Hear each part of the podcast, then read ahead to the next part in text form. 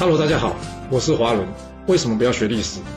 因为学历史会让你了解到顶层阶级的思考方式，成为他们的竞争者，所以他不希望你去学。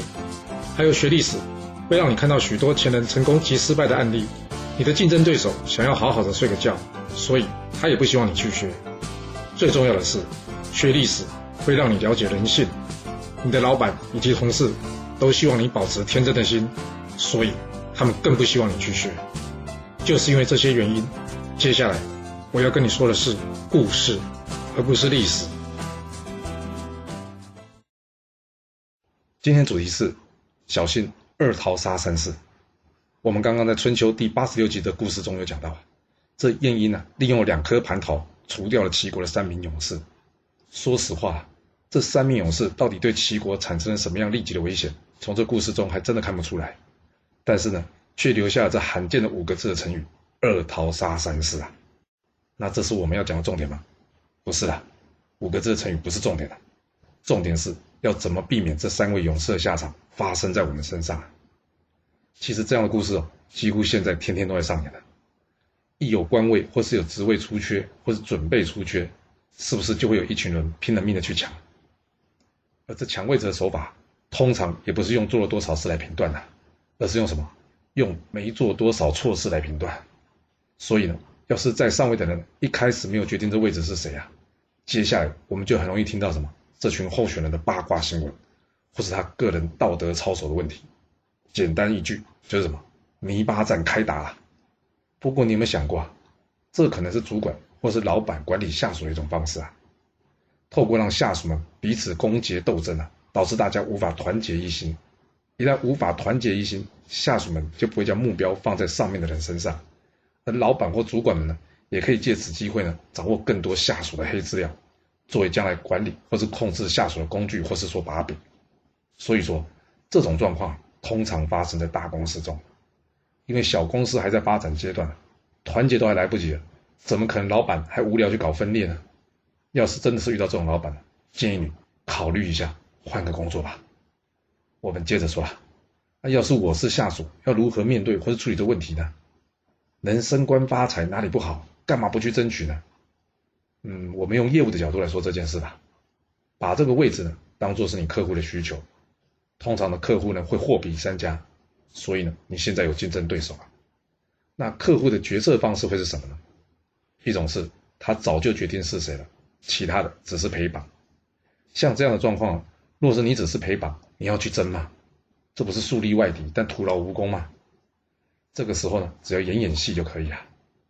从业务的角度来说，就是好，该报价我还是报价，该联系我还是联系。但是呢，目的是怎样？不要打坏跟对方采购的关系。什么意思啊？就是不要随便给个杀破头的价格啊！你要知道，人家采购已经决定是谁了，难道这当中没有好处吗？你何必去断人家财路，与人结怨呢？要是这采购正直，或者老板亲自出马，那就得在业务的真本事上去拼个高下。那你觉得业务的真本事是什么？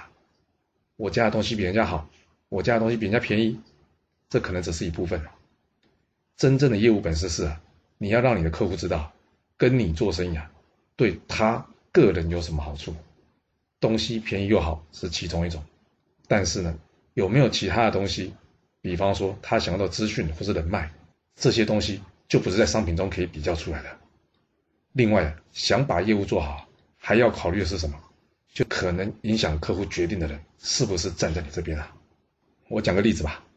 之前帮我们上课的讲师啊，他说过，他曾经处理过一个大案件，这产品价格都没有问题，甚至这客户的总经理啊跟他关系非常的好，但是呢，就在决定下单的前一天晚上。这对方总经理啊，打了个电话来跟他说抱歉，因为这订单呢，只能给他的竞争对手。他一听，不会吧？对手的东西又贵又烂，而且从来不跟你打关系，怎么这订单就归他了呢？那我前面的不都白费了吗？他进一步了解之后呢，终于解开这个问题的答案了。因为这总经理老婆的弟弟啊，刚好就是对手公司负责的业务主管。换句话说，这总经理是他的姐夫啊。开玩笑吧，怎么可能不知道自己小舅子在哪工作啊？没开玩笑，因为这小舅子呢，也是刚刚才到这个公司的，他呢才刚刚接任业务主管没多久，而这总经理呢也是在当天晚上一起吃饭呢，帮他庆祝找到新工作的时候才知道，啊，原来他是竞争对手的业务主管啊。那这么大的订单不给他小舅子，难道你要他闹家庭革命吗？那讲师说了，那千算万算就是没算到他老婆是个关键的影响者啊。现在你可以了解到，老板身边围的那一群人到底是做什么用途的吧？不过补充一提啊，千万不要以为啊，常常挨老板骂了是老板讨厌的人。我以前的主管呢就是这样子，天天在公司啊骂一个业务，但是呢什么资源都给他。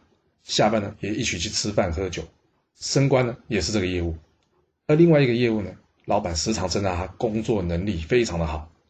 不过呢，每次到加薪的时候呢，老板给他加的薪不多，倒是加业绩目标从不手软啊。那你说哪一位对总经理的影响会比较大？所以重点就是什么？听其言，观其行啊。白话来说，就是不要听他说什么，而是要看他做什么。你说是吧？若是你有其他的想法，也欢迎留言分享你的看法给大家哦。好啦，我们今天先说到这。如果你就是不听我的劝，想知道完整版的故事内容，你可以从说明栏找到我爱故事频道的连结。不过记住哦，你是来听故事的，而不是来学历史的。要是您喜欢这个频道，麻烦您动动您的手指，追踪、留言，或是给我五星评价的支持以及分享。谢谢您来收听。我们下次再见。